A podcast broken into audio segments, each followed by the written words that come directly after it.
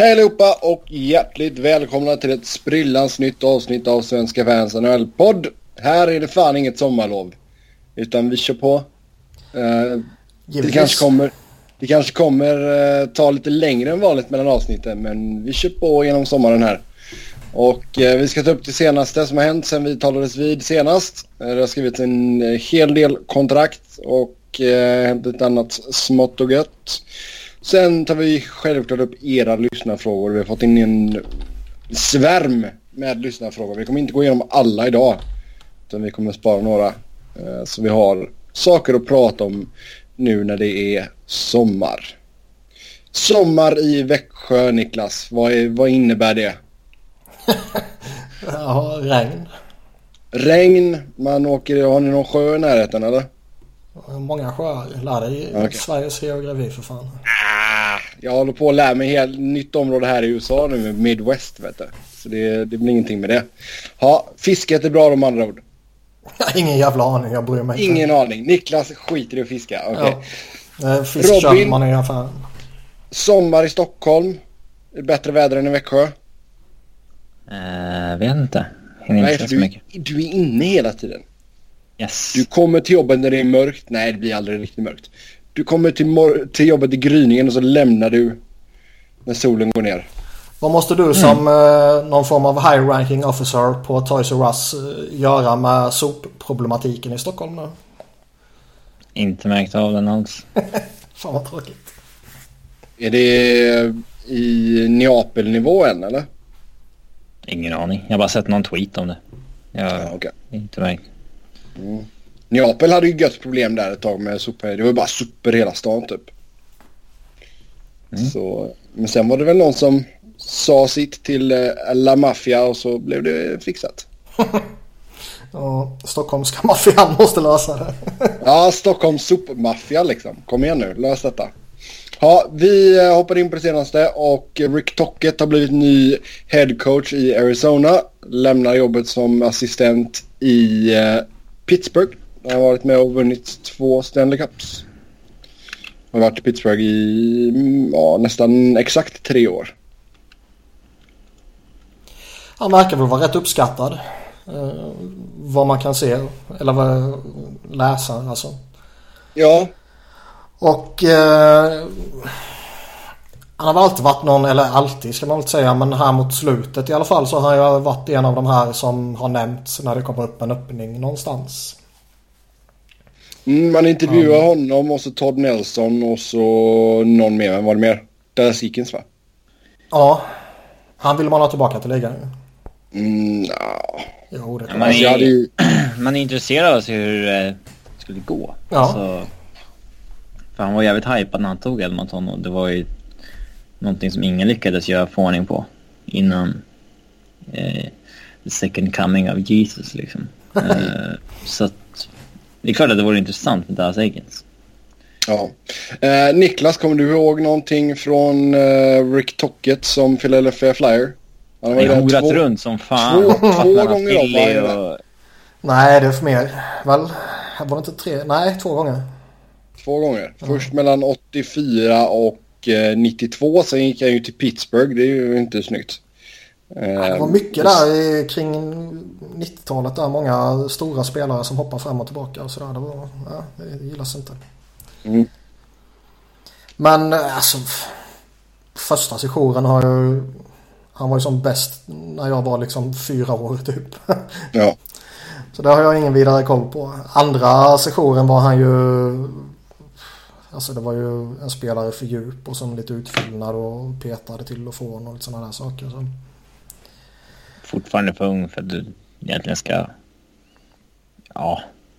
Ja, men ja, det är det inte. Men det var det här 0001 och sådär. Då är man ju inte ung. Men det var ändå inte så att man kunde följa, följa ligan som man gör nu. Nej. Men jag, jag kan ju inte säga att jag har någon specifik relation till honom liksom. Mm. Att det är Avs. Som coach. Mm. Så nästan hoppade runt lite. Phoenix, Tampa, Pittsburgh. Och nu head coach. Ja. Ja, så det blir intressant här. Det är ju Barroway har ju tagit över. För att förtydliga. Mm. Mm. Barrow har ju tagit över nu som eh, ensam ägare i Arizona och så anställer man Rick Tocket. Får se han... Eh, ja, vi får se helt enkelt. Kan bli intressant. Kan bli intressant. Klart, Ilja. det är alltid skoj med... Alltså, det är alltid intressant att följa coacher som har fått gott med beröm som assisterande, vilket han har fått där mot slutet ju. Mm. Även om han har en tidigare erfarenhet av headcoach så var det ju inte jätteomfattande direkt. Nej, det var inte många matcher då. Så det, det kan alltid bli lite intressant. Mm. Ilja Kowalczyk stannar ett år till i KHL. Mm.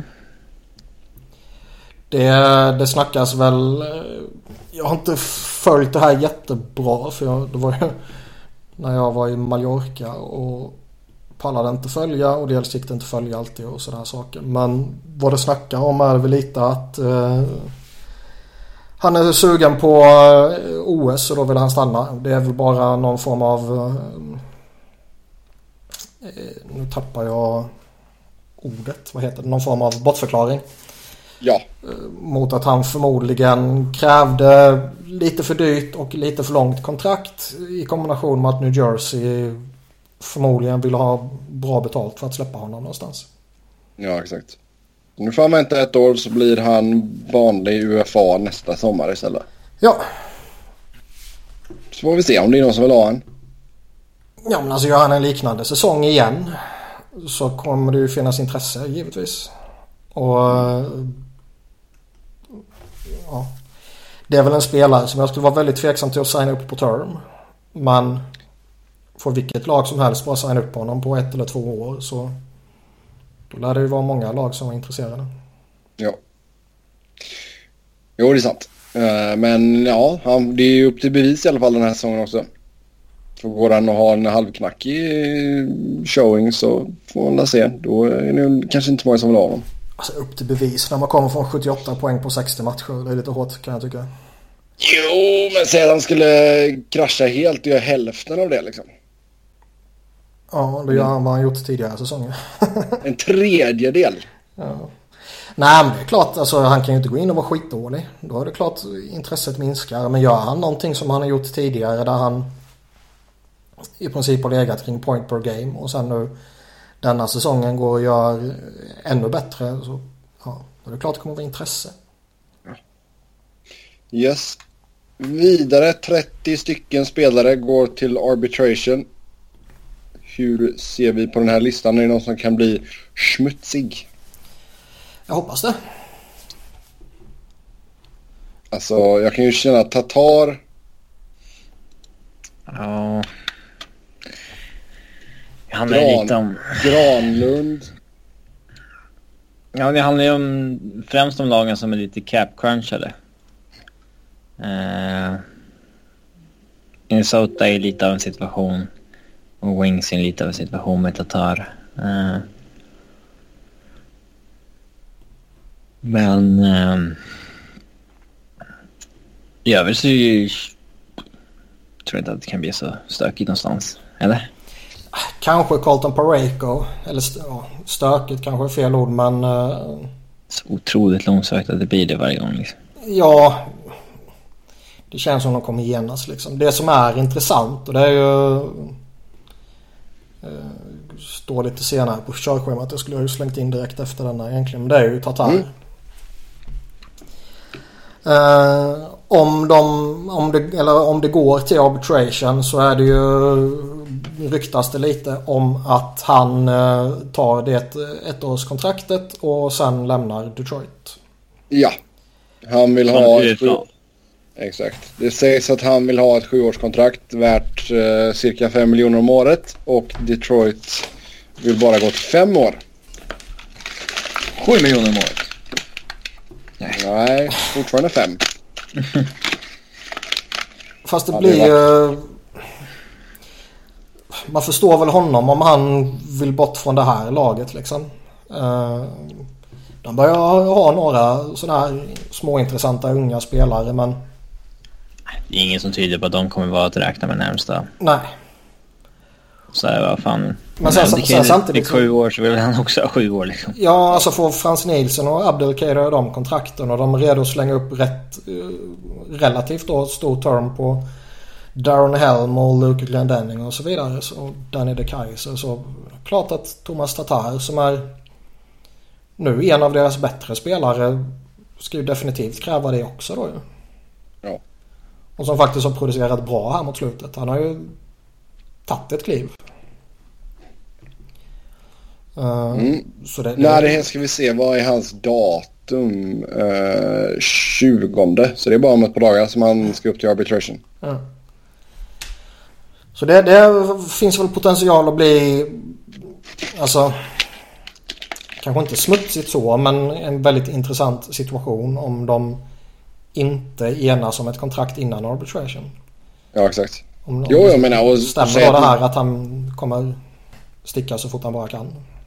Ja, och jag menar säg att det blir ett ettårskontrakt också. Jag menar då, han kommer inte ens vara kvar säsongen ut då. Det beror på, tror jag, var Detroit ligger i tabellen och sådär. Mm. Jag tror inte de är laget eh, som om de har slutspelschans för trade deadline börjar skicka ut en Thomas Tatar. Alltså kan du få en hyfsat likvärdig spelare, kanske några procent sämre som har ett lite längre kontrakt så varför inte? Vi får se. Ken ja, nej, det, är, det är inte orimligt, det är inte det jag menar. Det handlar ju mer bara att jag inte tror på Ken Holland just nu. Ja, inte ett skit. Nej, exakt. Det är väl det. Connor McDavid skrev på sitt megakontrakt. 8 år, 12,5 miljoner i cap hit. Och ja, vad, vad sa vi? Allt under 13 är lugnt. Jag har ingen aning vad du sa. Det var ju en halv evighet sedan Du sa till och med att 14 skulle vara okej okay, tror jag. Nej men signa upp honom på maxkontrakt. 15 hade varit också okej. Okay. De kan ju inte alltså ge det han kräver. Måste ge en det han kräver liksom. Det... Blank check. Det roliga här är ju att snacket som går är ju, alltså först var det ryktades som att vara någon 13,25. Och eh, snacket som går nu är ju att han själv tackade nej till eh, lite pengar för att ta ett billigare kontrakt och inte framstå som så självisk. Mm. Det gillar vi. Ja, det är, ju, ja, det är klart man, man gillar det. Sen, samtidigt så är det ju idioti. Alltså varför ska han som är överlägset bäst i laget och som är en av de två bästa i ligan och förmodligen inom relativt kort tid kommer vara den bästa i ligan. Uh, varför ska han ta ett billigare kontrakt för när skitspelare i laget blir överbetalda liksom? Ja, men han fortfarande bäst betald i hela ligan och jag menar, det var lämnade han på bordet. 6 miljoner dollar. Ja, men varför är det de som ska lämna pengar? Ja, varför är det han som ska I, spela billigare? För... I det stora hela så är ju inte det jättemycket. Då nej, men det blir ändå, nej men det blir ändå ändå att visst allt är ju relativt och sådär men eh, Alltså varför ska han, han ta ett billigare kontrakt? Liksom. Det, ja men varför ska han ta ett billigare kontrakt bara för att vara schysst typ? Och bara för att ge sin inkompetenta GM möjligheten att överbetala ännu fler mediokra spelare. Jo, men då får han ju säga det också. Cherrelli var inte dum i huvudet nu utan gör något vettigt med de här pengarna som du sparar in. det... Nu, nu är det ju... Gör mig till playing assistant general manager. Gör det nu. Det är han ju redan på ett sätt. Ja. Men, men liksom var, varför ska han ta ett billigare kontrakt för laget? Varför är det inte Milan Lucic som ska ta ett billigare kontrakt för att ha chans att spela med Conor McDavid? Varför är det inte Chris Russell som bara ska signa ett kort och betydligt billigare kontrakt. Varför är det inte och så vidare och så vidare. Jo, och så vidare. och Chiarelli har gjort det dåligt där, det tycker jag. Men jag tror fortfarande att vi kommer se, alltså till exempel signingen av Jussi Jokinen. Ett år, 1,1 miljoner. Du kommer se, jag tror, jag tror vi alltså- kommer se mer liksom billiga, alltså ganska hyggliga veteraner ändå gå till Edmonton de kommande åren för att få en chans att spela med McDavid. Då kommer de få ta en liten paycut. Nu har de gett ut en hel del dåliga kontrakt. Men jag tror man kan ändå så spara in några kronor på typ sådana här kontrakt. Men Jokinen tar inte en paycut för att gå till eh, Edmonton. Det är ju hans market value helt enkelt. han bör väl kunna få mer än 1,1 någonstans. Ja, men det är många forwards som signar för en miljon. Här och där. Efter en svag säsong som borde ja. få mer. Scott Hartnell är mer än en miljon. Jag tror de, de här som har blivit utköpta tror jag väl många lag menar på att ja men du tjänar ju redan uh, ja, i Jokkinens fall nästan en och en halv miljon dollar. Ja. Uh, det får du räkna in på vad du får ut denna säsongen liksom. Och så betalar vi dig drygt en miljon. Mm. Jag tror lagen resonerar på det sättet. Det känns som rätt givet. Och det kan väl spelaren också göra då givetvis. Jag kan tycka att Jokinen Även om han kommer från en, eh, en svag säsong jämfört med vad han gjorde för ytterligare en säsong sedan. Så är han ju väl fortfarande värd mer än en miljon kan jag tycka. Jo. Men räknar man in vad han ska ha därifrån så landar han på 2,5 ungefär och det är väl fair för honom på något sätt på ett ettårskontrakt. Men han tillhör ju den här men... kategorin spelare som man vet är värd mer än vad han signar för. Ja. Och man vet kommer gå vid deadline. Då kommer lag slåss om honom. Men nu... Han kommer inte gå vid deadline. Ja, men om de är i, alltså... Toronto, det, som man har gjort tidigare på ett bra sätt liksom. Alltså det läget, de här... Ja, okej, okay, ja, du menar så, jo, jo. Alltså jag tycker ändå det, det här som vi börjar med just med McDavid och, och liksom, han är ju inte den enda superstjärnan som förväntas och också slutar med att man gör det då, tar ett billigare kontrakt liksom. Mm. Men detta kontraktet låg väl ungefär procentuellt på samma nivå som Crosbys va? När Crosby signade sitt. Ja, det, det var, jag minns inte om det var förra eller förra, förra avsnittet vi pratade om det men så är det ju. Men det är liksom ändå...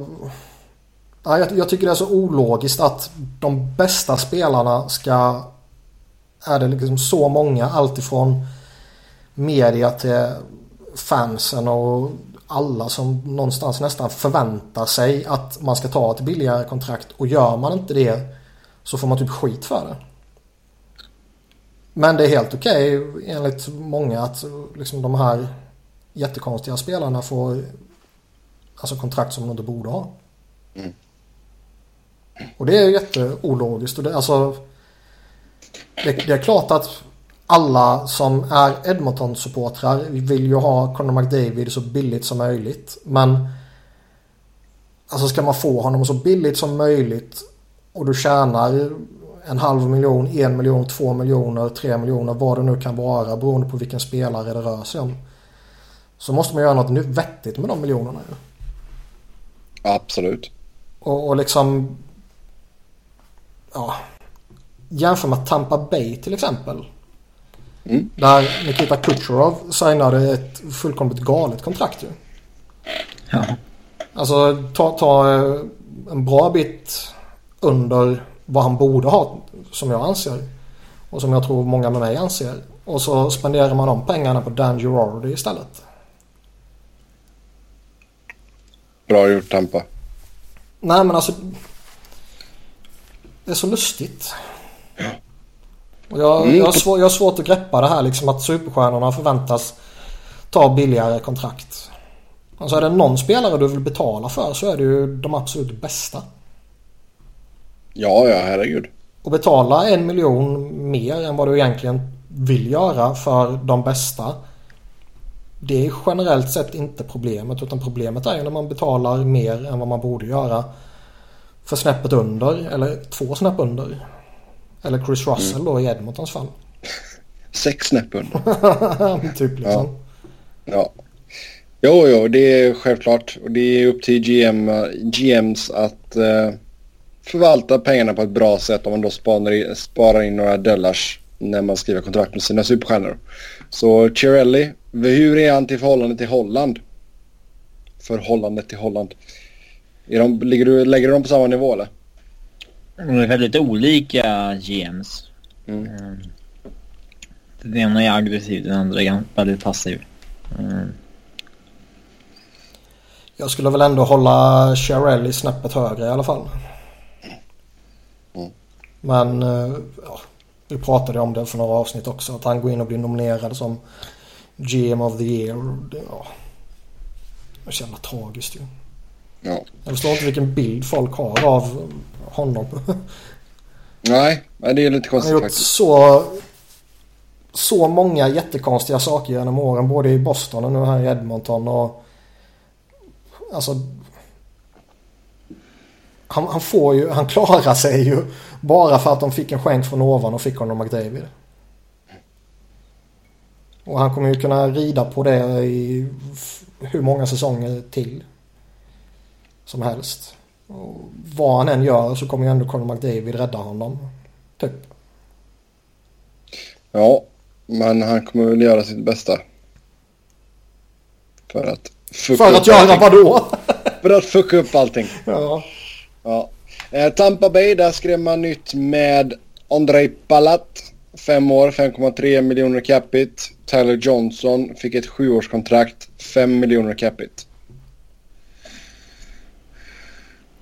Jag tror de är väldigt nöjda med de kontrakten.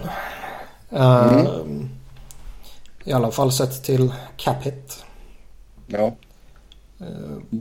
Båda hade väl eh, lite ett mellanår eller vad man ska säga. Det hade ju nästan Ja. hela Tampa. Ja. Eller så är det deras norm, det vet man ju inte. Eh, De, eh, liksom... I alla fall i Tyler Johnsons fall så vet man ju inte om den här succésäsongen var den säsongen som var det outliner liksom, eller... Nej, det är sant. Eh, Palatskontraktet tror jag är svinbra. Johnson, vi får se. Han är eh, 27 år i sommar. Det där är ganska långt kontrakt. Eh, vi får se vad, om han är värd 5 mille de sista åren på det. Men eh, fortfarande inte dumt att signa det alls, liksom, anser jag. Du låser ju upp din core ganska billigt här. Oh, ja. Mm. Sen går det spekulationer om att John Tavares kan eh, tänkas ta lite mindre deg för att spela i just Tampa Bay. Alltså det hade ju sett oförskämt bra ut om han hade gått dit. Att just Tampa Bay, eller var det... Ja, jag vet inte. Jag vet inte. Det var väl eh, Elliot Friedman som slängde ur sig att... eh, Eh, nu minns jag inte exakt ordagrant vad han skrev. Men att han typ inte skulle förvåna om det var ett alternativ eller något sånt där. Men sen är det väl som vi har pratat om tidigare och som man läser här och där och som vi faktiskt har en lyssnarfråga till också att skattereglerna på vissa ställen gör ju att eh, du kan skriva ett billigare kontrakt med ett visst lag och ändå få betydligt mer betalt eller likvärdigt betalt i pengar efter skatt. Mm. Och Där är- Florida där är en Flor- stat. till Florida en bra stat. Ja. Eh, och, och liksom Nikita Kucherov har väl förmodligen det i bakhuvudet när han signar det kontraktet. Kan jag tänka mig. Och eh, Steven Stamkos. Det var väl snack när, när han eventuellt Ja, var eh, på väg bort där. Att skulle han signa i Buffalo eller Toronto eller vad det nu var så skulle de ju behöva betala eh, några miljoner ytterligare för att han skulle få samma lön efter skatt då. Ja. att han skulle upp på 10-11 i capita Ja, något sånt där. ja. Eh, Det blir ju en del pengar. Jo, definitivt. Och, och liksom... Nu glömde jag redan vad... Jo, Tavares. och visst, det kan väl vara en del där då att ska han gå dit så är det klart att han signar ett billigare kontrakt om man räknar på vad han ska tjäna efter skatten. Om man jämför med vissa andra lag eller stater rättare sagt. Mm. Eller länder för den delen också. Ja, Kanada har ju problem där både med eh, kanadensiska valutan som är lite svag.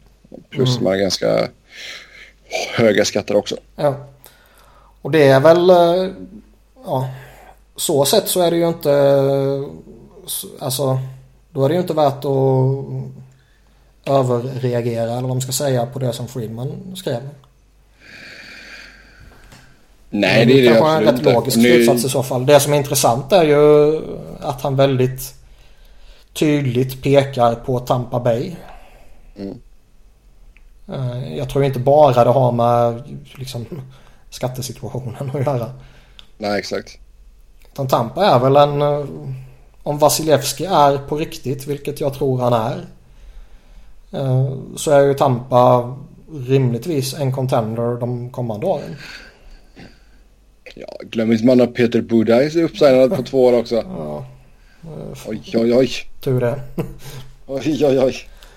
Nej, men alltså absolut. Jag menar, de, de bör ju sluta sig tillbaka här och uh, utmana. Mm. Um, men frågan är ju bara vilket utbyte det skulle krävas för att landa en Tavares då, såvida inte Tavares låter sitt kontrakt löpa ut.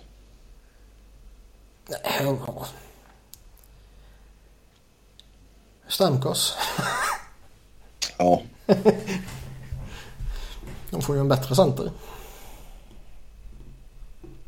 Mm. Nu är inte, nu är inte det... Tapp, tappa lite målskytte bara. Eh, ja, det kanske de gör. Det vet man inte. Nu tror jag inte jag det på riktigt utan det var bara lite halvskämt givetvis. Men eh, svårt att veta vad, alltså, vad ska Islanders göra om de dumpar honom? Ska de försöka få han, eller dumpa var fel ord, men, men liksom tvinga släppa honom för att han inte blir förlängad? Ska de liksom bara gå efter framtid? De har ju trots allt en relativt hygglig prospect pool nu här mot, mot slutet. Mm. Och, och försöka bygga något nytt på det och kanske skicka ytterligare någon spelare också. Eller ska man någonstans hoppas att man kan få hans ersättare tillbaka eller någon form av eh, ja, klart sämre ersättare då givetvis. Jo, alltså det... det kräver de en Tyler Johnson i retur då liksom? Ja. Nej, alltså en yngre spelare hade väl varit idealt om man byggde något paket runt det kanske. Och sen att man bränner ner det man har och bygger nytt. Fast man vet aldrig med Islanders heller. De är ju lite lustiga på alla sätt och vis. Oh ja. eh, och ska de återigen flytta och hitta en ny arena så kanske man vill vara competitive i en ny arena istället för att mm. börja med en ny arena och bygga nytt och bygga Och suga liksom. Jo, absolut. Ja. Det är klart. Mm. Eller ska man flytta hela laget? Quebec, ja. Mm. Oj, eh. Det tror jag inte. De Nej. verkar ju vara väldigt tydliga med, med de ligan menar jag då, med att Islanders ska vara kvar i New York-området. Mm. Ja, ja. Det är ju, i värsta fall så kommer de ju dela Madison Square Garden med Rangers typ. Fast det går väl inte? Nej, det är för mycket annat inbokat eller?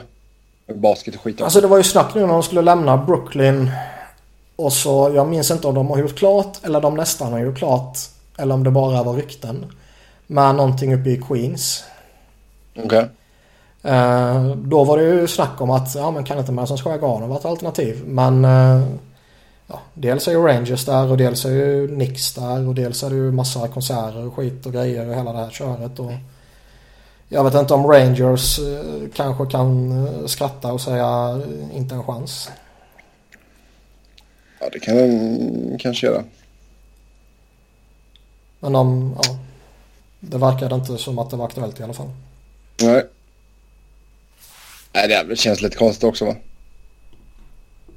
Nej, det behöver det inte vara. Mm, lite konstigt känns. Ja, ja. Vi går vidare. Marcus Kryger gick till Carolina i utbyte, eller gick, jo, gick till Carolina. Eh, utbyte mot ett 50-rundsval 2018 som går till Las Vegas. Eh, sedan så signade Carolina även ett sjuårskontrakt med Jakob Slavin. Eh, 5,3 miljoner i cap hit. Ja. Alltså. Borde inte Chicago kunna få bättre för Kryger? Jo. Än vad Vegas fick nu en fifth rounder. Alltså jag tycker det är, det är alldeles för billigt. Ja, alltså man kan väl... Tre miljoner är väl förmodligen lite för dyrt för honom om han...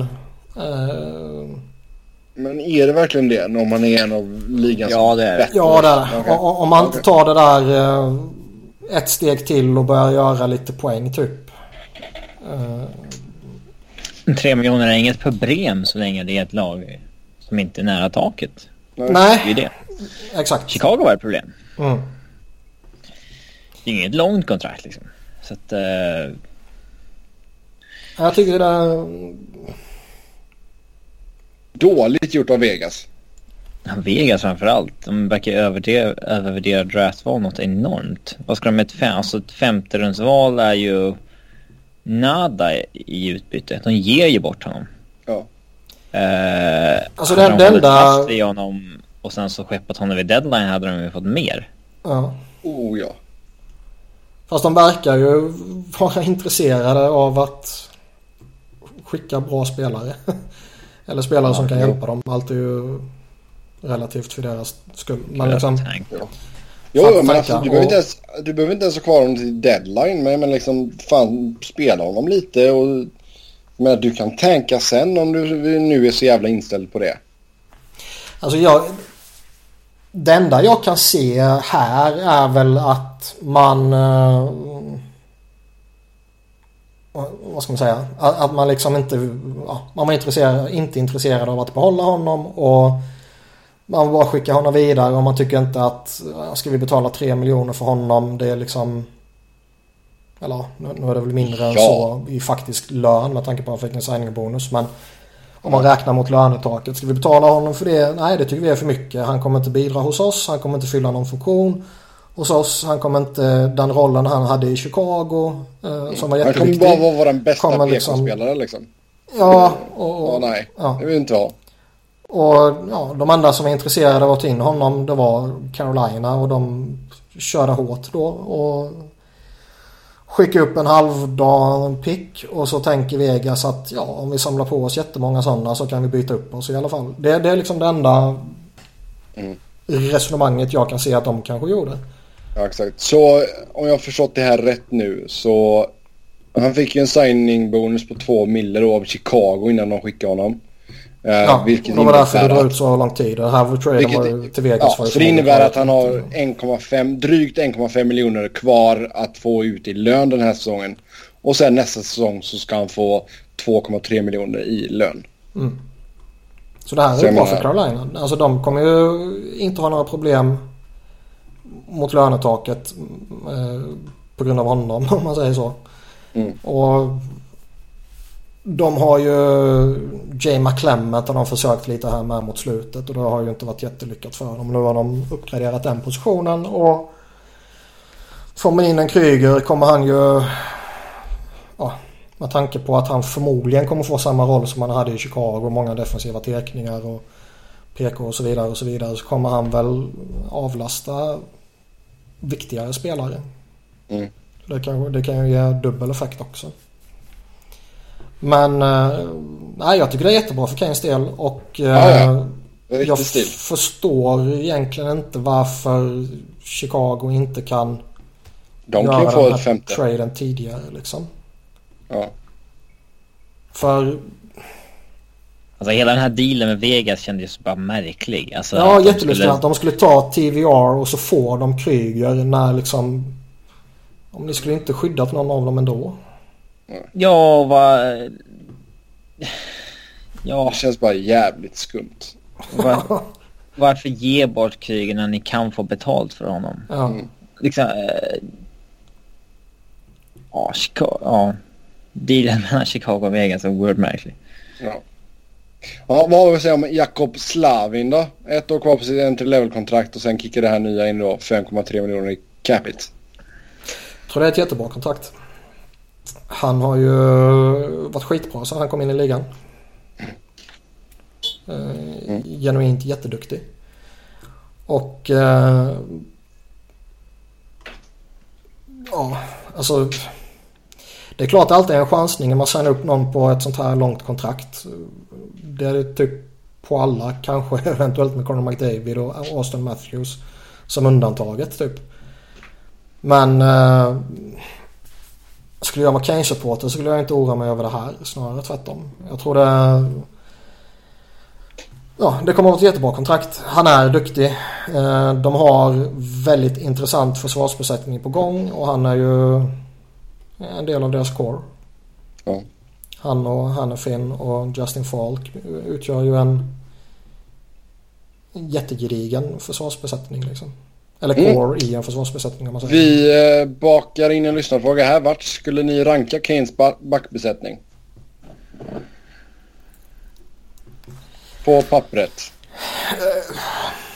Så har vi Justin Falk, Noah Hannifin, Claes Dahlbäck, Trevor Werner Rimstack, Brett Pesci, Jakob Slavin. Man borde väl kommande säsong kunna slänga in Hayden Fleury känns det som också. Det bör väl vara dags, dags för honom nu. Eh, exakt. Det är alltid svårt med tanke på att det är några unga spelare som man egentligen inte riktigt vet. Alltså 100% exakt var de står. Alltså, alltså Slavin alltså, här kan ju mycket väl... Dahlbäck är deras äldsta back. Med 26, ja, 26 år gammal. Och han är ju kass liksom. Men ta en sån som Slavin. Säg att han går in här och får en försenad sophomore slump typ. Det skulle inte förvåna. Noah Hannifin, han är bara 20 år. Och att han kanske står och stampar i två månader det skulle inte heller förvåna. Justin Falk tycker jag är jätteduktig så, och han bör man väl veta vad man får av honom. TVR är ju liksom inget speciellt alls. Mm. Men de, som jag sa tidigare, de har en bra core. Flurry kommer upp och kan om allting funkar bra för honom kan han ge det försvaret ytterligare en dimension. Mm. Sen var du med på uppgång där Jake Bean, kanske lite väl ung. Ja, det är lite tidigt. Han behöver stå på tillväxt. Mm. De är ju kanske bäst backbesättning ju... Ehm, per krona. Mm. Per dollar kommande säsong i alla fall. I och med att de har bara en som tjänar mer än en miljon och det är ju Justin Falk. Mm. 4,8 lägger han på lite drygt. Så det är bra jobbat. Bang for the buck, så att säga. Sen när vi ändå så pratar Carolina så äh, ser allting ut som att äh, laget kommer att säljas till Chuck Greenberg som äh, tidigare var ägare av Texas Rangers i Major League Baseball. För inköpspriset 500 miljoner dollar och man kommer stanna i Raleigh. Okay. Har du koll på eh, baseball eller? Nej, det kan jag inte riktigt säga att jag har. Jag smygtittar lite på San Francisco Giants ibland. Det är ungefär det jag gör.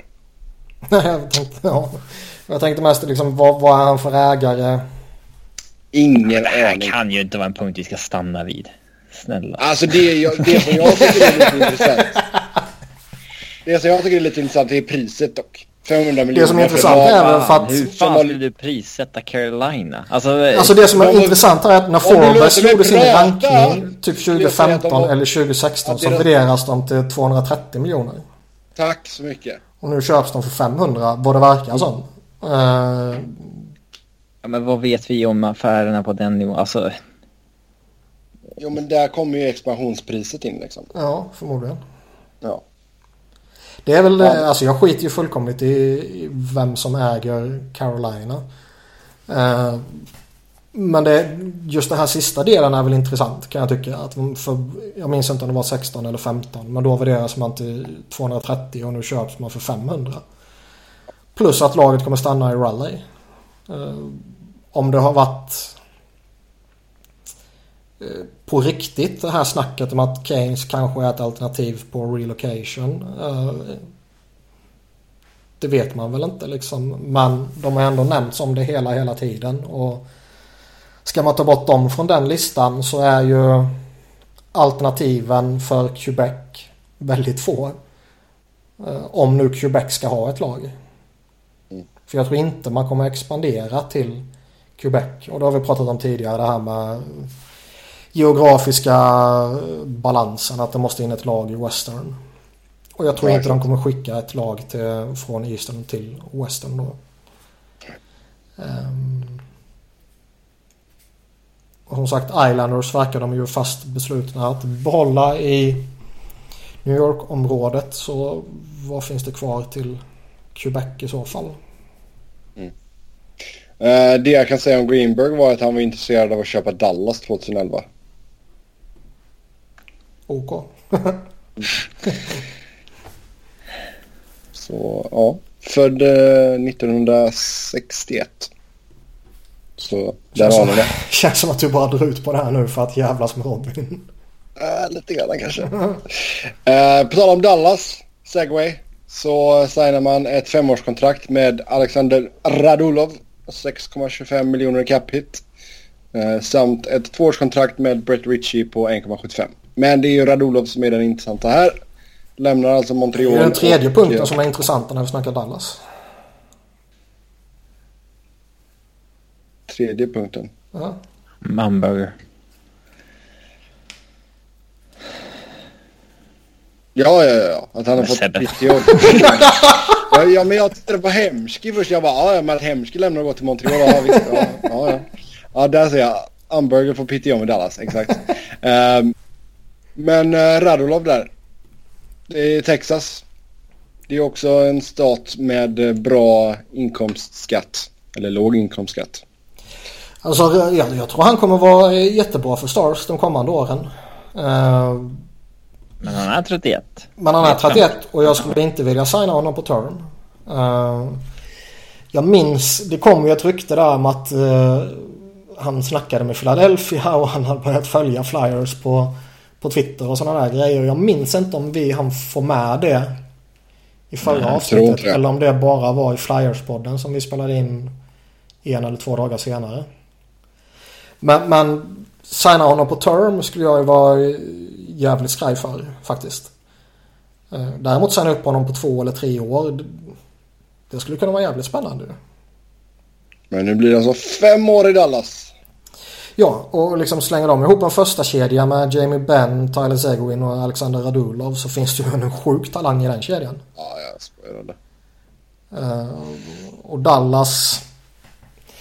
Säga vad man vill om värvningarna de gör. Alla är gamla och så vidare. Alla är inte superfantastiska bla bla bla. Men efter att ha kommit från en liksom svag säsong med vad de själva ser sig och, och förmodligen ett stort misslyckande som de ser på det. Så har de i alla fall rustat och det är skoj att se. Oh, ja. Alltså de är ju bra centerdjup nu. Oh, ja. Jag menar plocka in Hansson där och han kommer väl gå in som trea antar jag. Förmodligen.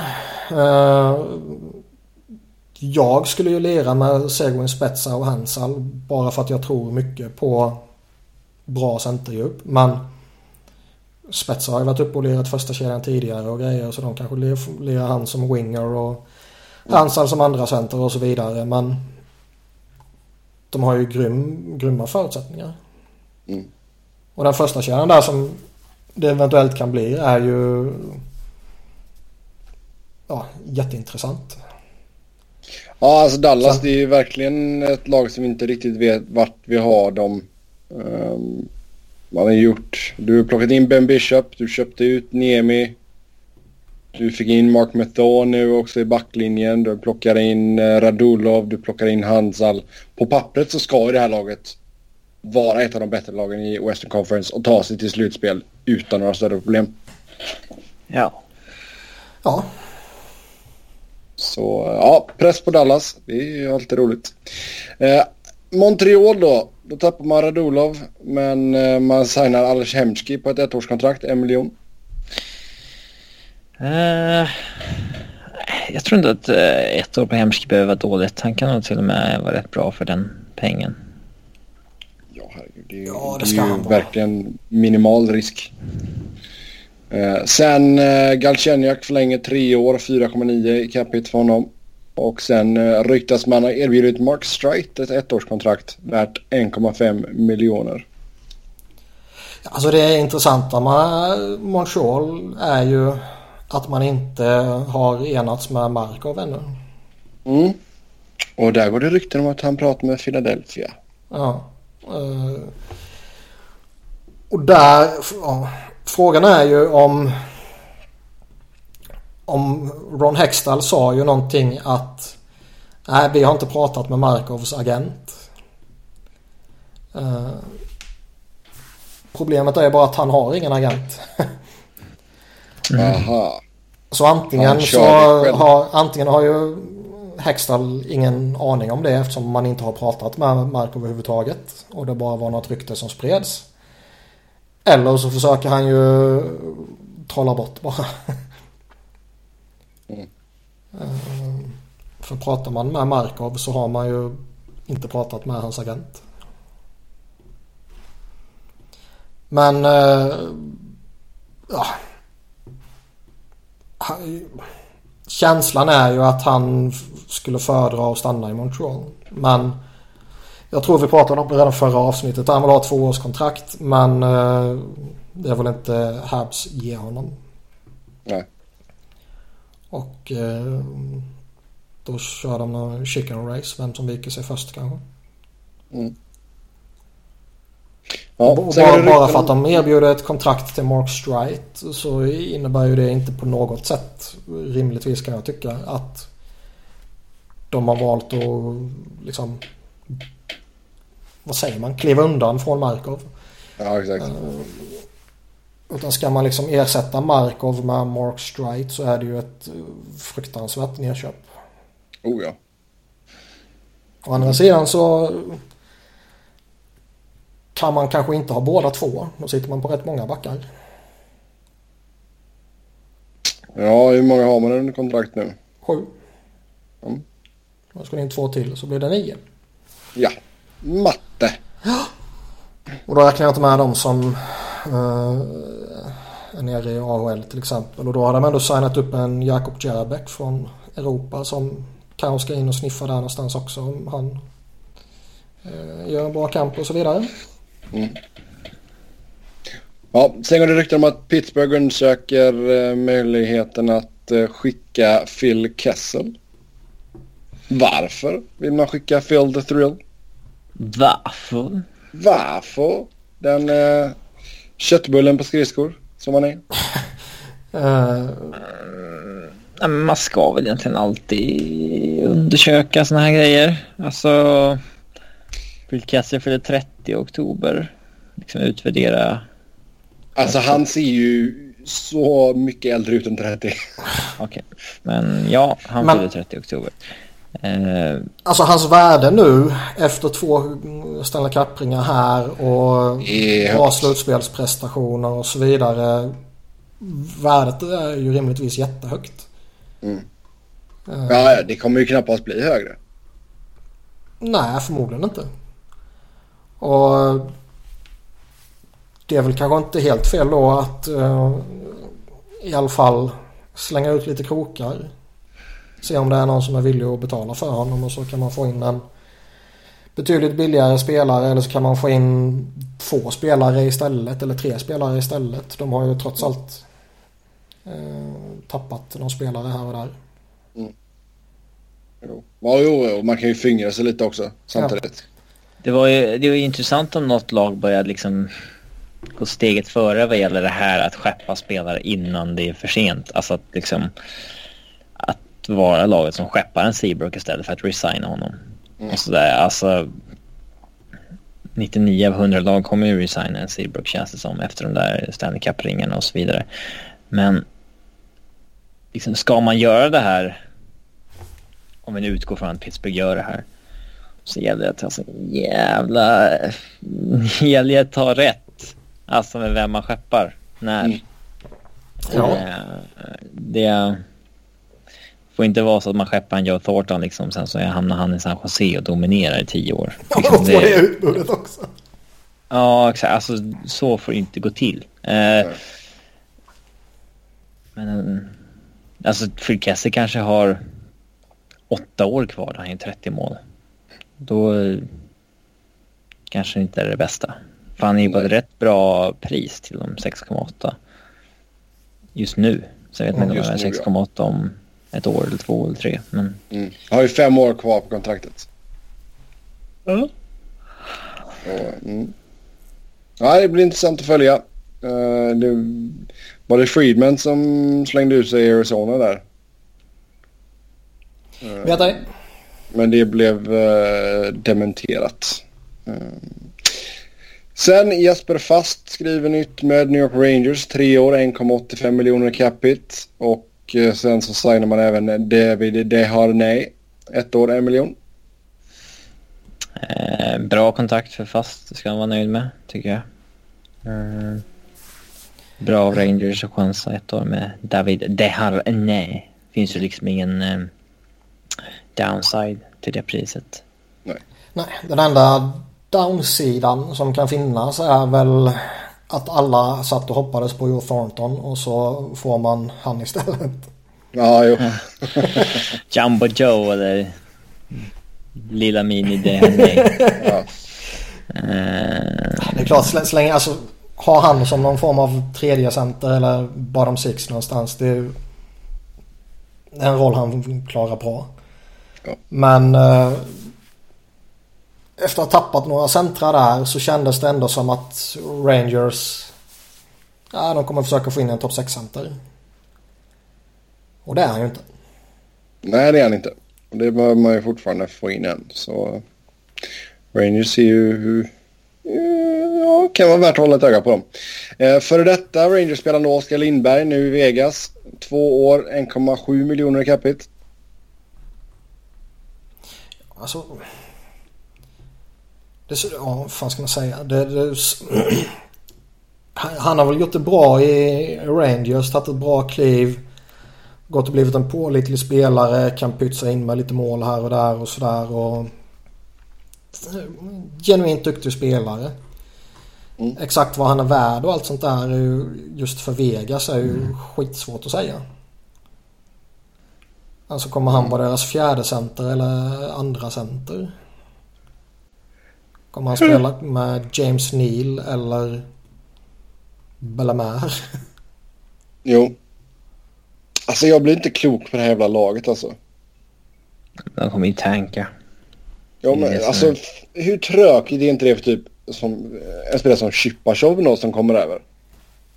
Några spelare men, måste de ju ha. Men det är de, klart att de. Eller kommer de bara hoppas på att han får en bra succé nu så flippar de honom eller?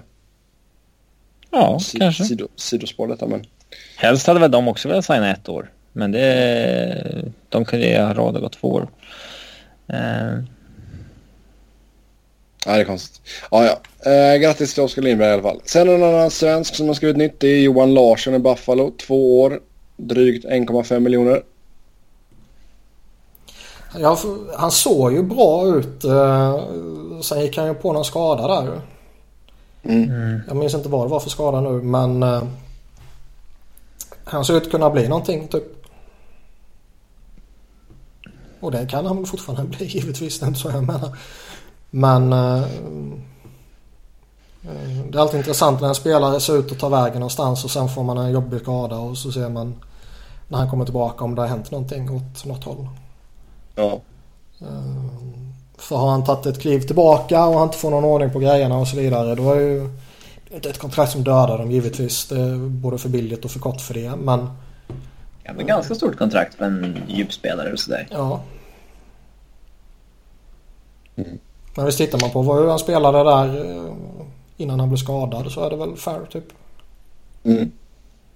Sen i Detroit då har vi Xavier Olé. Två år, 1,25 miljoner. Det är inte så mycket mer att säga om det. Nej, faktiskt inte. Han har ganska coolt namn liksom. Ja. Credit till hans föräldrar. ja, exakt. Sen har vi en som inte har riktigt lika coolt namn. Det är Mark Pysyk i Florida. Tre år, 2,73 miljoner. Däremot ska han ha riktig jävla cred för hur han presenterar sin signing. Joe Thornton satt ju på någon jävla supergräsklippare och skrev på sitt kontrakt och så blev han fotograferad och så tweetade han ut den själv eller hans agent eller någonting. Uh, Pysyk satte sig på en sån här vanlig handgräsklippare. Satte sig på den och signade kontraktet och skickade ut den att... Uh, ja. Det är klart nu. Ja, det är bra. Nu är det klart. Det är men jag är ingen Jumbo Joe eller något sånt där. Nej. Det var lite skoj. Då tar man inte sig själv på jättestort allvar. Det tycker jag är bra. Ja, det är alltid roligt. Men han är väl en bra spelare för lite djup för dem. Ja. Uh, det är sant. Det känns som att de flesta namnen här nu är lite sådär. Um, Michael Furland, Calgary, 2 år 1,75. Philip Grubauer, Washington, 1 år 1,5. Ja, nej, det finns inte så jättemycket att säga om. Nej. Det enda man kan säga om Grubauer vi... är väl att lite förvånande att han eh, eh, blev kvar. Att inte Vegas stod honom. Mm. Men det var ju samma sak där. Alltså, jag menar att man inte plockar Merasek till exempel. Liksom. Det känns ju också jävligt konstigt. Och sen visst, nej, man fick Nate Schmidt istället och det är ju inte dåligt på något sätt. Men uh, vi var väl många som förväntade oss att de skulle ta en, ett gäng målvakter och flippa vidare. Men, ja. ja men istället så skickar man, mm, försöker man bli av med massa backar istället. Ja. Men, men. Eh, André Burakovsky, två år, tre miljoner capita. Uh, alltså hela Caps-situationen är ganska skev tycker jag. Uh, alltså de... De borde ju satsa på ett längre avtal med Burakovsky. Han kanske bara ville ha kort, jag vet inte. De borde ju skippat Oshie-kontraktet. Eventuellt behållit Marcus Johansson och mm. alltså köpt ut Orpik. Alltså det... Jag vet de har målat in sig i ett hörn här. Men visst, det är väl inte helt dumt med tre miljoner på Burakovsky i två år liksom. Mm. 15 utespelare under kontrakt. 4 miljoner lite drygt kvar att leka med. Ja. Um... 10 forwards, 5 backar. Det känns väl lite för, förra säsongen var väl deras chans typ. Och... Nu är det alltså början på förfallet. Nej, det vet jag inte. Eh, de har fortfarande en jätteduktig målvakt. De har fortfarande ett gäng duktiga backar. De har en jättebra forwardscore. Som har liksom början på förfall. Det, det, tycker jag är för tidigt att, att säga. Okay. Men eh, Alltså, Men jag menar, vad gör, vad gör du med en sån kille som till exempel John Carlson som bara har ett år kvar på... Han är precis under fyra mille. Grovt underbetald. Han kommer få ett långt Måste väl köpa ut Barbic nästa sommar då? Ja, eller så kan man trada honom. Ja, kanske finns någon, någon kan man retaina. Alltså... Ja. Men, men äh, alltså ja. Men det blir ju alltså mer eller mindre tvungen att lyfta upp någonting underifrån här nu. Mm, ja, kan ju signa spelare billigt också. Ja. Jakob Verana till exempel. Ja, definitivt. Men, som sagt. De här dagarna, mitten, slutet på juli så folk som fortfarande sitter utan kontrakt och som hade hoppats kunna få ett stort kontrakt kanske känner att nej, nu måste jag fan snart ta ett kontrakt så jag säkerställa att jag faktiskt har ett NHL-jobb kommande säsong. Och så ja. signar man ett, ett ettårskontrakt som är eh, förhållandevis billigt och eh, går till ett bra lag där man tror att eh, här kommer jag göra en bra säsong och så får jag bra betalt om ett år istället. Mm. Vad är det senaste om Christian Juice? Ingen aning. Senaste om Christian bryr mig inte ett skit heller. Kan det bli en NHL-plats eller? Det senaste. Mm. vad är, vad är, vad är scoop? Som att det är någon sån aktuell story. Oh ja. Våran use watch. ja, nej, den får du stå för själv. ja.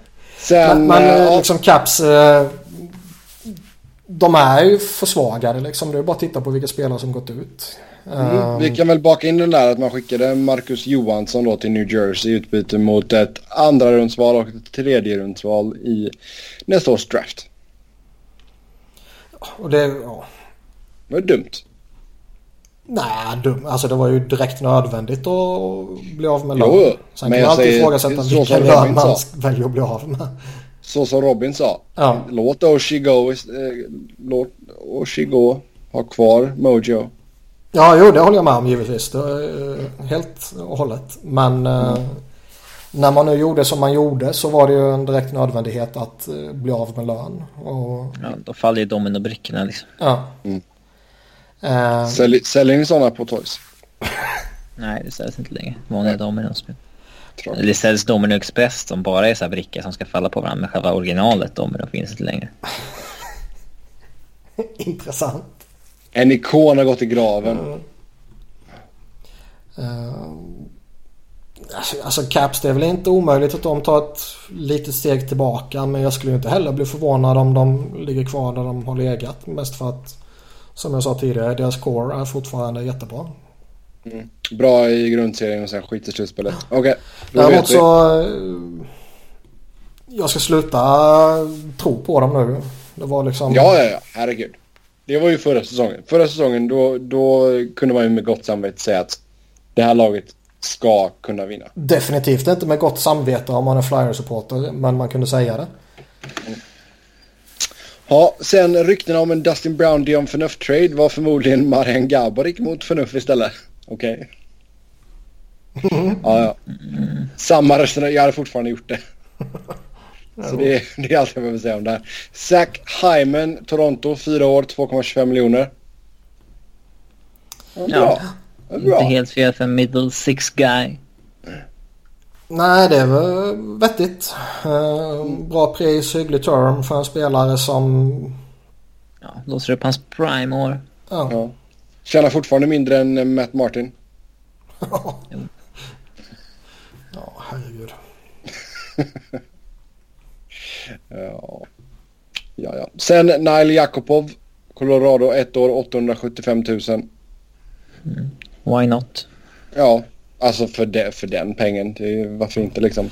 Så jag, uh, jag skulle inte säga det är hyperintressant för det är det ju givetvis inte. Nej, det är men, det men det är liksom ändå en spelare som någonstans alltså, tidigare har visat en fin talang och som fortfarande är relativt ung och sätt in honom i en gynnsam omgivning så ja, vem vet vad som händer.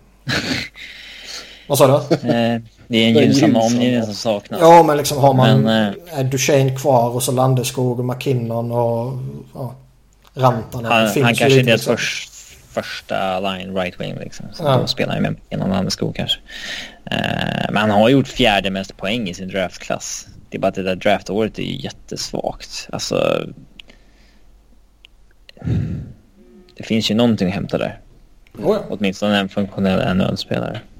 Mm. Sen eh, Mikhail Grigorenko signar för CSKA Moskva och sen eh, så sägs det att Nikita Zadrov kan också lämna Colorado för KHL. Mm, ja, hans agent har gått ut och sagt i alla fall. Men eh, det kan ju vara klassiska KHL leverage. Mm. Eh, skulle mycket förvånad om Zadrov inte spelar i Colorado nästa år. Grigorenko, jag hade inte haft något emot att ha kvar honom, men eh, han känns så liksom uppfackad från början. Alltså från Buffalo-draften liksom. Eh, Förstörd. Ja men liksom han, ja. Vad fan höll de på med där liksom? Han... Hela grejen är väl eh, vilka fiasko traden har blivit. Ja, alltså vad förväntades av Grigorenko liksom? Ja, nej det är fair. Sadrov var väl pusselbiten liksom. Men... Uh... Alltså man visste ju vad man tradade emot. Man tradade emot en collection av liksom unga spelare. Alltså jo. det var ju ingen så här uh, Dran mot Sergachev trade liksom. Utan det var ju en färdig spelare mot Grigorenko, Sadorov, uh, JT Confer som ser ut att bli mycket... Ser, ut, ser mycket intressant ut. Uh, ett högt draftval som han sen tradade ner till flera draftval. Alltså det... Den är inte så här... Uh,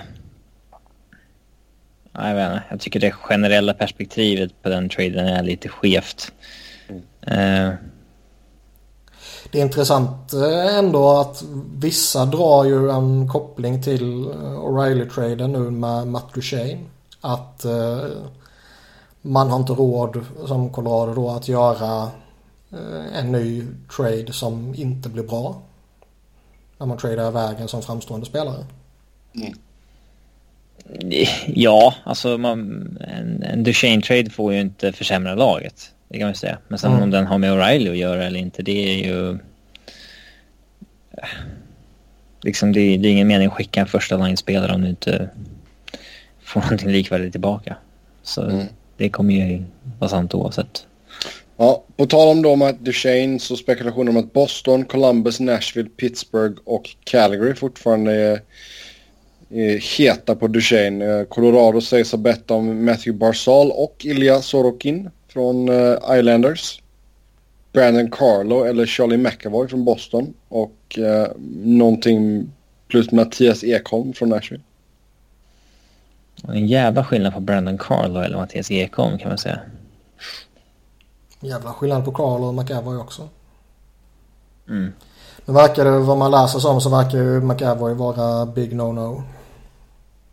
Mm. I say nej nej. Ja? Men vi får väl... Vi får väl se vad som händer där. Men... Uh, ja, det vore, det vore roligare om han tradades till Pittsburgh än liksom... Mot Kessel. Uh, mot Kessel, exakt. Skulle du göra ja. det? Vänta nu, jag ska läsa upp en lyssnarfråga. Hur skulle ni hantera Dusain-situationen i Colorado? Skulle ni trada eller ge nytt förtroende och bygga runt honom samt vad är fair i utbyte för Duchene? Behöver abs, ab, abs, abs rebuilda på nytt eller räcker det med en eller två lyckade trader och ser man ett slutspelslag igen? Alltså, det är jättesvårt. Alltså, som vi har snackat om under säsongen med Avs så de har inte så dåligt lag så det borde vara där, där, där nere. Mm. Men eh, så därför känns det ju på ett sätt som att de är en, två trader från att vara liksom ett OK-lag igen. Men eh, Duchene, alltså hans kontrakt går ut om två år. Han är 26 nu. Eh, alltså det är nu, om man vill få som bäst värde för honom så är det dags att skicka honom nu. Eh, om det är så att man inte kommer förlänga om två år. Mm. Eh, om han inte vill förlänga eller om Ävs inte vill förlänga. Eller liksom, Fast ska man ändå inte göra ett case för att man kanske får mer värde om ett år? När lagen... Nej, inte om man, de har haft en lika tung säsong igen. Men de kan ju inte vara så jävla dåliga i år också. Nej, nej, nej, men liksom, nej, men om vi lägger den punkten åt sidan för en sekund bara och liksom trada till sig Matt Duchene nu så finns det ju en risk att du får honom i två år bara. Eller kanske ja, ett och ett halvt bara ja, ja, om man kommer fram till att nej jag vill inte vara kvar i det här laget. Så får man trada honom mm. vidare. Men om ett år så kan man ändå säkerställa att man får honom betydligt mycket längre om man kan signa upp honom tidigare så att säga. Jo, det har du rätt i. Och jag kan tänka mig, och det har vi pratat om tidigare också, att vissa lag eh, kanske inte är supersugna på att ta in honom just för att ja, vi vet inte om vi kommer ha honom long term och ska vi då betala jättedyrt för honom? Nej, det vill vi kanske inte göra. Nej, Nej det, det är bra, bra grej där Niklas. Det håller jag med om. Plus att fan studsar Colorado tillbaka lite bara. Så kan man nog få ut något mer av honom. Det tror jag. Sen så vi väntar helt enkelt. Ja, det är ju intressant också. Men som sagt det körde du snackade om förra avsnittet också. Det här att kan man verkligen gå in i en ny säsong med honom efter allt det här snacket och ryktena och spekulationerna och så vidare? Och... Ja, alltså det är, jag tror camp, alltså stel stämning. Stel. ja, det beror väl på. Eh, jag kan väl tänka mig att McKinnon och Landeskog och Rantanen och Barry och Johnson och, och de här bevisligen skickliga spelare är ju förmodligen eh, glada för att spela med Matt. Jo, det är klart. Sen beror det på vad, vad man får tillbaka. Alltså... Men det är ju inte så att Duchene kommer sätta sig och käka lunch med Sakic efter uh, träningen liksom. Jag vet inte. Det är ändå hans... Ja, det är väl kanske inte jättemånga spelare som gör det med sin GM heller. Nej, kanske inte. Men jag tror liksom en, ja. Man borde på vad är det för någon trade som det ryktas om eller som alltså ska de bara få prospects och futures så kan de ju vara alltifrån redo nu till redo om ett eller två år. Och... Mm. Men det som eh, sägs då från Islanders liksom. De bad om Barzal och Sorokin. Ja. Barzal tror jag mycket på i framtiden. Men Uh, är han på Matt Duchenes nivå kommande säsong? Nej, det tror jag inte att han kommer vara. Nej, och då kanske McKinnon, Landeskog och liksom Avs core hellre ser att Duchene är kvar och då behöver det inte bli det minsta stelt i omklädningsrummet om man snackar så liksom. Mm. Däremot så är det klart att uh, har det gått så långt som det har gått nu så kan det givetvis vara ansträngt mellan Duchene slash hans agent mot Ja. klubben, alltså GM och hans medarbetare. Ja, exakt. Mm. Men hellre behålla än att få ett dåligt utbyte för honom. Ja. Eh, nästa fråga här då. Ranka de 15 bästa spelarna i ligan oavsett position. Ta inte hänsyn till lön. Det har vi inte gjort ändå. Uh, Alltså det finns väl... Ettan och tvåan, eller topp två kan man väl säga, är väl tokgivna tror jag. För Mm. oss alla tre. Sen vi frågan Ja. vem man vill ha som etta och vem man vill ha som tvåa. Alltså hade jag startat ett lag idag så hade jag ju självklart sagt McDavid för han är yngre. ja, Ja, men det är inte det vi ska prata om. Eh, men bäst, okej, bara skills. Nej, McDavid fortfarande. Jag håller fortfarande Crosby eh, som etta. ja, Crosby McDavid. Men eh, Sebbe Ja. nerröstad. ja, som vanligt. Gud Trea. vad, jag, gud vad jag bryr mig. Ja, det borde du göra. Det sker ju hela tiden. Stelt sen när Sebbe ska försöka kuppa in Quick som tolva. typ. Lös lugna nu. Uh, trea. Ja, Det är EK65. Eller Malkin. IK65 eller Malkin. Doughty kommer inte vara med på den listan så du vet. Sebbe. båda bra slutspel. Nej, det vet jag att han inte kommer vara. Eh, det kommer inte någon Colorado-spelare vara heller. Ja, oh no. Eh, ja, exakt. Så suck it! Eh, nej, Erik Karlsson. Frölunda. Mm, nej men vad fan. Frölunda med det här göra. Alltså ja. Nej då, men Erik, ja, Erik Karlsson för, tätt följt av Malkin. Sen, sen är det ju intressant då. Alltså. Man kan göra ett case för att Brent Burns var ju bättre än Karlsson denna säsongen. Ja, verkligen det? Men i det stora hela så eh, håller jag givetvis Karlsson som etta liksom. Om man ser ett större perspektiv. Men pratar man bara denna säsongen. Eller ska vi prata i ett större perspektiv? Klart vi pratar större perspektiv. Ja. Inte den här säsongen. Nej. Bäst exakt. bara. Punkt slut. Ja. Mm. Det tyckte jag också. Ja. Och då ska IK65 in där tror jag nog. Ja.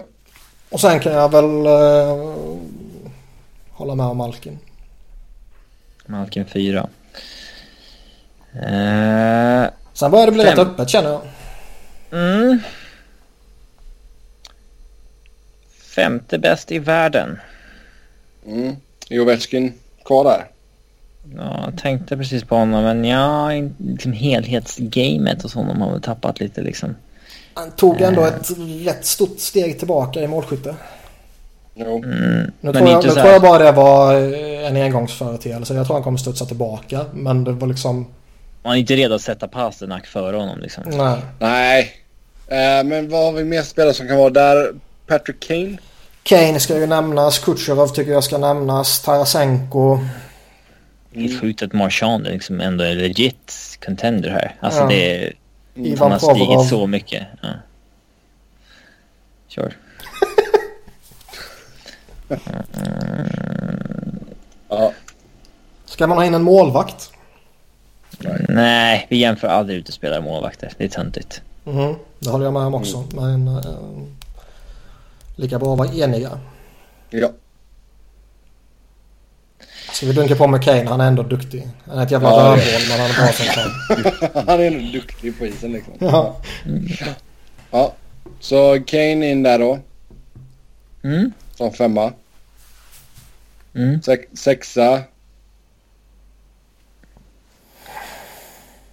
Jag vill ändå säga Tarasenko alltså. Ah. Jag är nog inne på han eller Kutjerov. Och eh, coach, coach. ja, Okej. egentligen Kör är det en Kuch? smaksak. Men, Ja. Mm, Kutjerov sexa då. Tarasenko, säger vi Tarasenko sjua då eller? Ja, med Ja, tanke på att jag vill ha någon av dem på Ja. sjätteplatsen så Ja, får jag ja. ta den andra på sjundeplatsen. Ja. Sen är det väl dags för en Hedman eller en Burns. Mm. Ja, eh, jag vill nog dunka på med Burns. Burns. Okej. Eh, han är ju... Alltså, vad ska man säga? Han är ju inte unik så tillvida att Erik Karlsson är framför honom liksom. Men Ja. på ett sätt är han ju ändå unik. Mm. Vet ni vem som vi hade satt som trea på den här listan när vi gjorde den för ett år sedan? Nej. Jamie Benn. Mm. Kanske borde petas in ish. Ja, det tycker jag. Det finns, finns utrymme för både honom och Sagan tror jag. Mm. Ja, bägge hade ju varit med på topp åtta om vi gjorde den här för ett år sedan. Mm. Ja, men nu Burns 8 då alltså. Ja, det tycker jag. Sen 9. Vill du piska på med eh, Marchand där eller vill du ha in Hedman? Alltså jag skulle fortfarande ta en liksom så här John Tavares eller Getzlaff före Marchand. Men eh, det är också lite så här centerns värde. Liksom. Ja. ja. Matthews, vad ska vi ha han? Nej. Inte topp 10 va? Uh, wow. Det är så svårt som en, sample, en säsong sample size Ja. ja. Är nog där dansar någonstans. Jo. Det är väl någonstans kanske... Drysdale kommer inte vara med, ni vet. Nej. Mm. Säger ni ingenting så sätter jag Hedman här. Nej, för fan. Men Säg någonting då. Ja, Seguin då. Nej, Ben menar jag. Ben.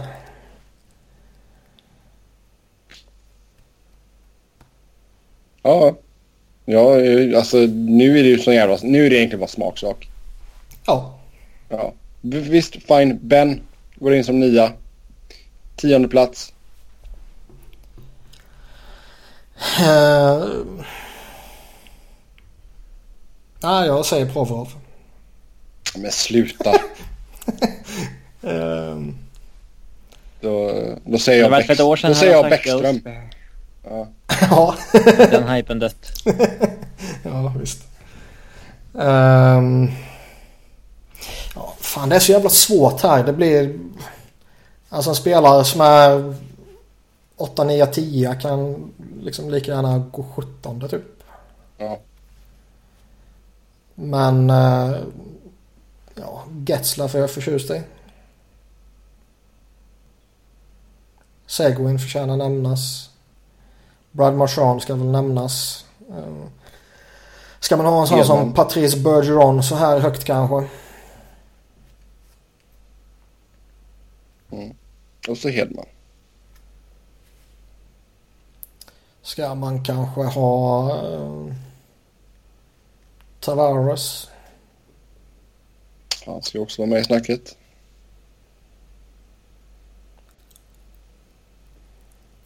Ja. Nej, jag säger Getzlaff 10. Måste vi ha honom på topp 10? Ja. Jag, vill inte säga, jag, kan, jag kan gå med på honom som är 11 men jag vill inte ha honom på 10 topp 10. ja men det är ju bara därför jag vill ha in honom. Ja, Robin du får göra. Ja visst, släng in. Ja, Getzlaff 10. Eh, ehm, mm. Nu känns det ändå som att vi... Nu sätter vi bara lite spelare för vi har en sån handfull. Nej men det känns som att nu sätter vi de fem kvarvarande. Ja. Hedman, Tavares, Marchand, Bergeron fortfarande kanske. Ja. Bergeron Vi ska prata kanske. helhets... Ja, eh, ja liksom. visst. Sen måste väl ändå Ovechkin vara topp 15. Och så Ja. Ovechkin. Vi kan inte lämna Ovechkin utanför. Ja men det är bra. Fick vi in segern nu? Nej. Megastjärnan petad från superlistan. Ja. Veckans eh, poddrubrik. En blurrad bild på Ja. Seiken. Han är på stranden och sån bild. Herregud. Ja. Ja, ja. Jag ska undersöka och göra det. ja, gör det. Gör det. Eh, ska vi se. Vi kör två frågor till innan vi... Eh, eller vi kör tre frågor till. Eh, det var en period då det skrevs sjukt långa kontrakt. Nu är trend, trenden att nästan allt är sign-on-bonus. Hur kommer detta att påverka lagen framöver? Ja du Nicke Picke. Alltså, du som är po- poddens ekonom. Det lät som du sa porrens. Nej, podden.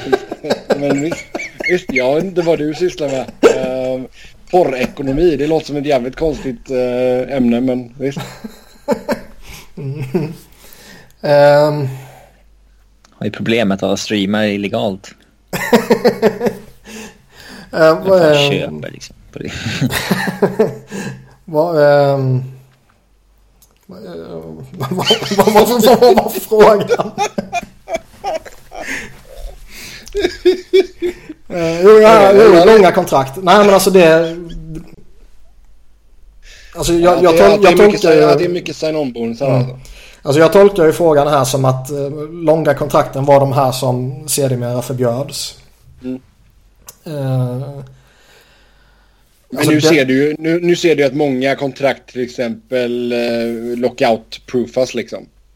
Ja, alltså dels får man uh, en stor uh, bonus um, 2020 för att säkerställa att man får betalt även om det blir lockout. Och uh, signingbonusen i juli kommer ju betalas ut även om det blir lockout liksom. Så det, då får man sina pengar och visst man kan ju tycka att fan har du skrivit ett kontrakt värt 60 miljoner och du ska tjäna 6 miljoner den säsongen så ja, jag tror inte du kommer gå omkull ekonomiskt om du inte får dem. Men givetvis vill alla ha sina pengar.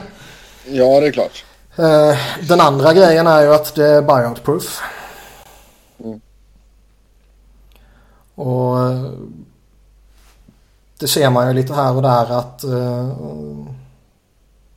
rätt många lag är ju villiga att betala rätt stora summor för att en spelare inte ska representera dem längre. Mm. Och eh, har man massa signingbonusar så får man pengar liksom om de köper ut den. Ja. Bara en liten side-note, alltså en spelare som Mike Ribeiro får fortfarande två miljoner om året i tre år till från Arizona. ja, det hade jag glömt bort. ja, visst. Ja. Det är fina grejer. Ja, det är fina grejer. Eh, nästa fråga här. Är Chicago slut? Seriens sämsta lag 2022. Vilka tror ni är sämst om fem år? 2022, det är ändå... Det är för långt bort. Det kan hända så jäkla mycket på det. Ja, men sommaren 2022, då är det ett år kvar på Taves och Kanes kontrakt. Mm. Uh, vi har... Mm. Fortfarande några år kvar på Seabrooks kontrakt. ja, ett år kvar på Duncan Keith. Uh...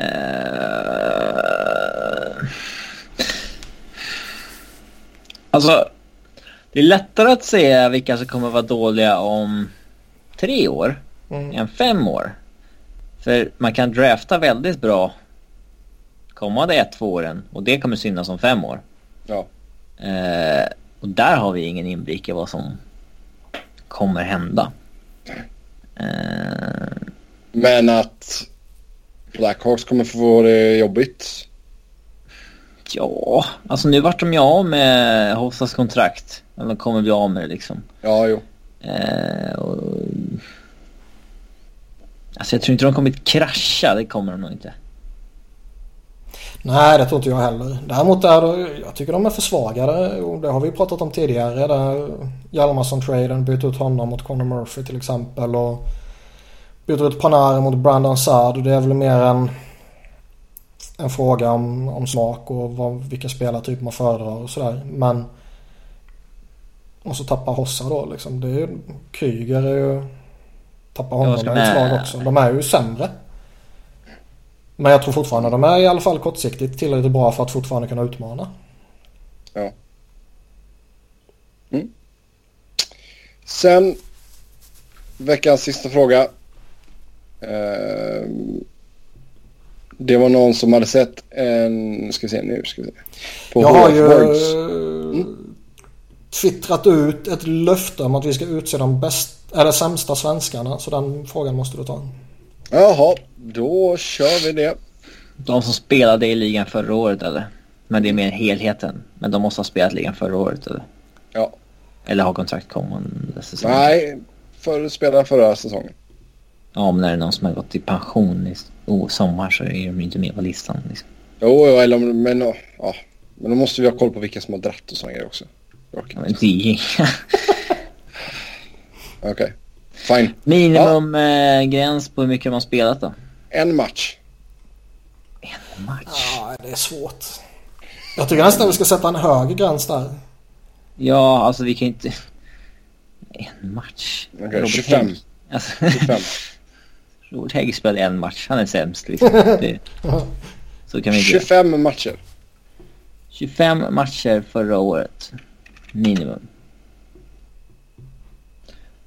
Eh, Okej, då har vi 59 utespelare. mm, fortfarande en ganska stor gryta att välja från. Vi tar halva Okej. säsongen då. 41 matcher. 41 matcher. Så där, då har vi... 52. 52. Ja, fortfarande två sidor. Jobbigt. Men ja, ja. Då rangordnar vi bara efter plus minus och väljer helt enkelt. vi... Hur många, hur många var det vi skulle ta? Sämst är alltså Henrik Sedin när vi går på plus minus statistik. De 10 bästa och de 10 sämsta svenskarna. Ja, bäst Okej. är tydligen Marcus Johansson om vi går på plus minus Okej. statistik. Då är det fastslaget. Ja. Carl Söderberg ska ju med på den här listan över sämsta.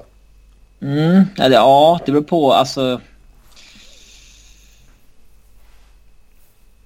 Så, alltså, Ska vi försöka försvara honom? Det här blir, det här blir jävligt intressant. Nej men alltså. Är han bättre eller sämre än Jocke Nordström liksom? Det är... Sämre. Du, ja, men du blandar ju in lön och sådär när du tänker på det. Fast är inte det relevant i den här frågan? Jo, det är klart det. Nej men vi skulle ju... Det handlar väl precis som när vi skulle ranka spelarna i ligan att det inte gäller lön och kontrakt och sådär. Nej, Det står ingenting i frågan om det. Ja. Ja, det bestämmer vi själva ju. Antingen gör vi det eller gör vi det inte. Jag bryr mig inte vilket, bara vi bestämmer vad vi gör. Ja, jag säger att vi gör det.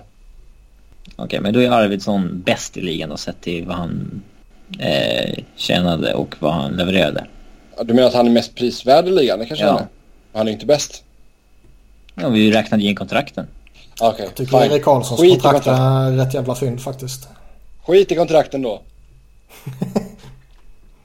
Ge mig tio spelare här nu. Fort ska det gå. Varför det?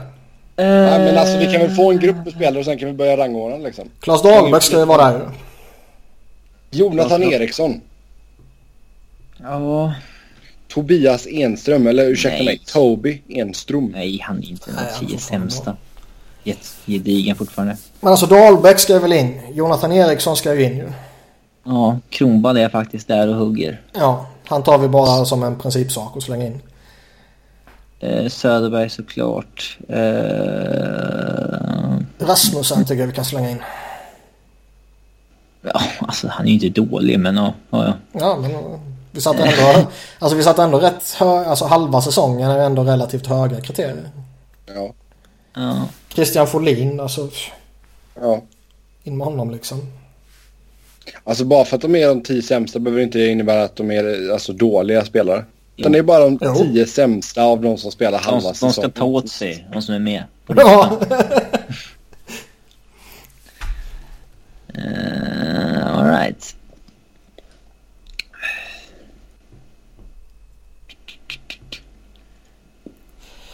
nu blir det lite svårt ändå. Ja, Men Jocke Nordström ska väl in om vi har de här kriterierna. Carl Gunnarsson, Gunnarsson ska väl in då också. Johnny Oduya, Ja. Melker Karlsson. slag i ansiktet på eh, en hel nation. Men vad är vi uppe i nu? Jag vet inte. han är i alla fall en nosa på botten 10, Melker Karlsson. Det är han ju. Ja, Ska vi se, eh, vad sa vi? Söderberg, Kronvall, Nordström, Oduya, Eriksson, Rasmussen, Folin, Dahlbäck. Dahlbäck, Gunnarsson. Då har vi nio. Nio. Hade Stålberg varit kvar så hade jag sagt Stålberg. Eller så går man lite wild and crazy och drar på med Hagelin som var inte bra. Denna säsongen men som i vanliga fall Jo, exakt. inte ska med på en sån här lista. Ja, men vi kan ju inte ranka honom som bland de 10 sämsta svenskarna i NHL. Det är han inte. Nej, jag sa att vi skulle gå lite wild and crazy. Wow, the crazy guys. Sen håller jag inte med om det. Jag bara tog en namn i högen. Men eh, Oskar Lindberg typ. Vi borde ha en sån här ja, hatt varje vecka med namn på. Och så drar vi ett namn. Och så får man bara ett namn och ska förklara varför den spelaren är skitöverskattad. Ja. Eh... Bara dra. Jakob Silfverberg. Förklara sig. Varför är han överskattad? Därför att eh, hans... Eh... Ses fortfarande som en stor talang. Mm, pratas mycket om vad han gjorde i, i SHL. Mm. Ja, han lever fortfarande på det slutspelet. Ja, han, le han lever på det.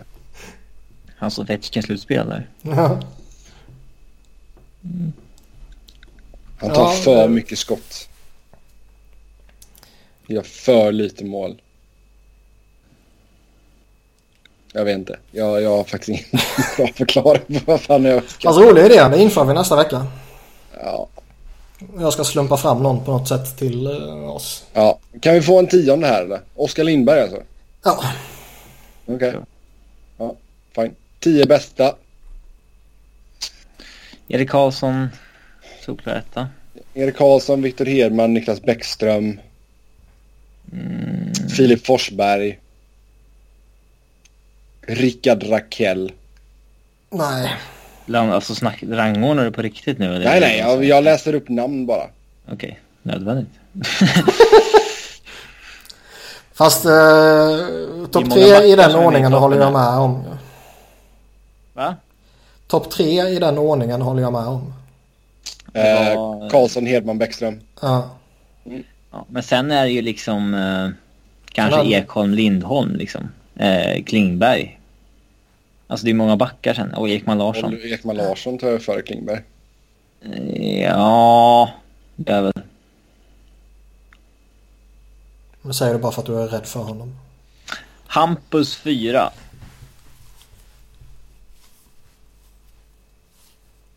Hampe 4. Hampus 4, ja. Sen jag tycker det börjar bli svårt här nu liksom. Föredrar man en William Nylander eller en Wennberg, Forsberg eller någon av backarna du nämnde? Ja, nu... Nej men... Välj bara liksom. Nylander. Ja, men Oliver är väl ändå femma fortfarande. Mm, ja, och sen ska han vara. Sen eh, Nylander kan... Eller Nylander eller Forsberg? Nylander. Sen Forsberg. Eh, Arvidsson med på topp 10. Mm, han kan nog 11. Han går väl före Rakell. Och Wennberg ja. i min bok. Nej, före Wennberg har jag inte satt honom. Mm, jo. Det kan vara jämnt. Jo, det skulle jag nog göra. Arvidsson är ändå... Jag glömde faktiskt honom när jag sa honom tidigare. Okej. Okay.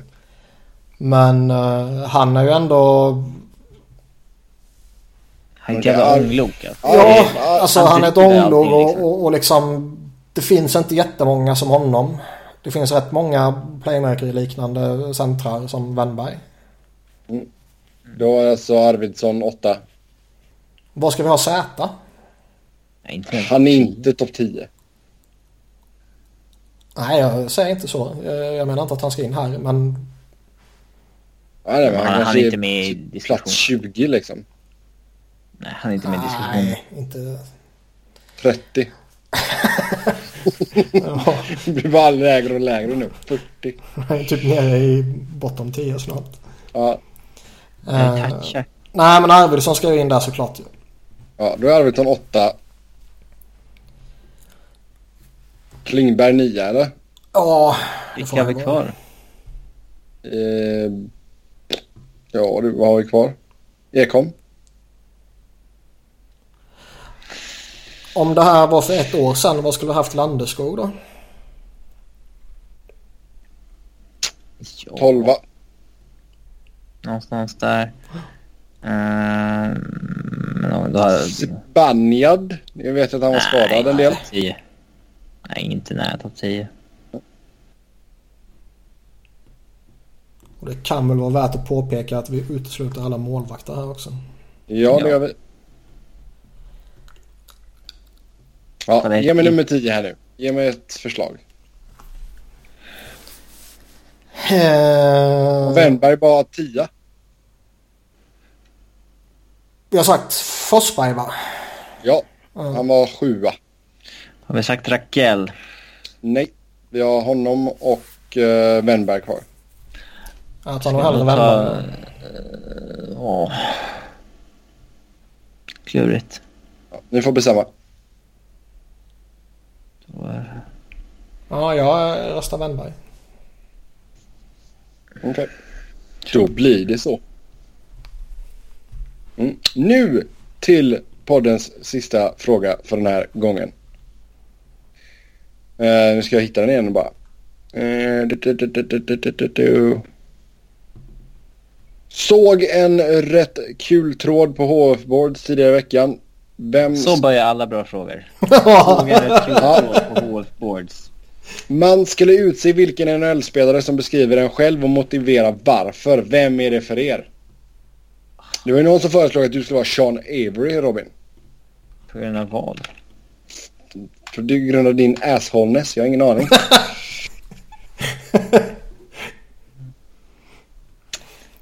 ja, jag vet inte. Jag har svårt att tolka frågan riktigt. Du ska jämföra dig själv med en hockeyspelare och motivera varför. Jag kan säga att jag är Jason LaBarbara. Utveckla. ja men alltså du vet. Jag är ganska bekväm bara det att liksom, jag har ett jobb. Liksom, jag är okej okay med att vara, spela andra fiolen sådär. Uh, gillar heavy metal. Och, ska man gå på uh, så här eh, personliga intressen eller? Ja alltså... men det, alltså, det kan ju spela in liksom. Det, men ja, Jason LaBarbara. Ja, jag... Uh, Jeremy Roenick. Okej. Okay. Jävligt bra. Uh, jävligt charmig. Uh, Men idioterna ska tycka till. Stor, stor käft. Uh, ser väldigt gott på mig själv. Uh, ja. Fan, jag har inte lyssnat på hans podd. Har ni gjort det? jag visste inte ens han hade en podd. Han, jo, jo, visst. Vad fan.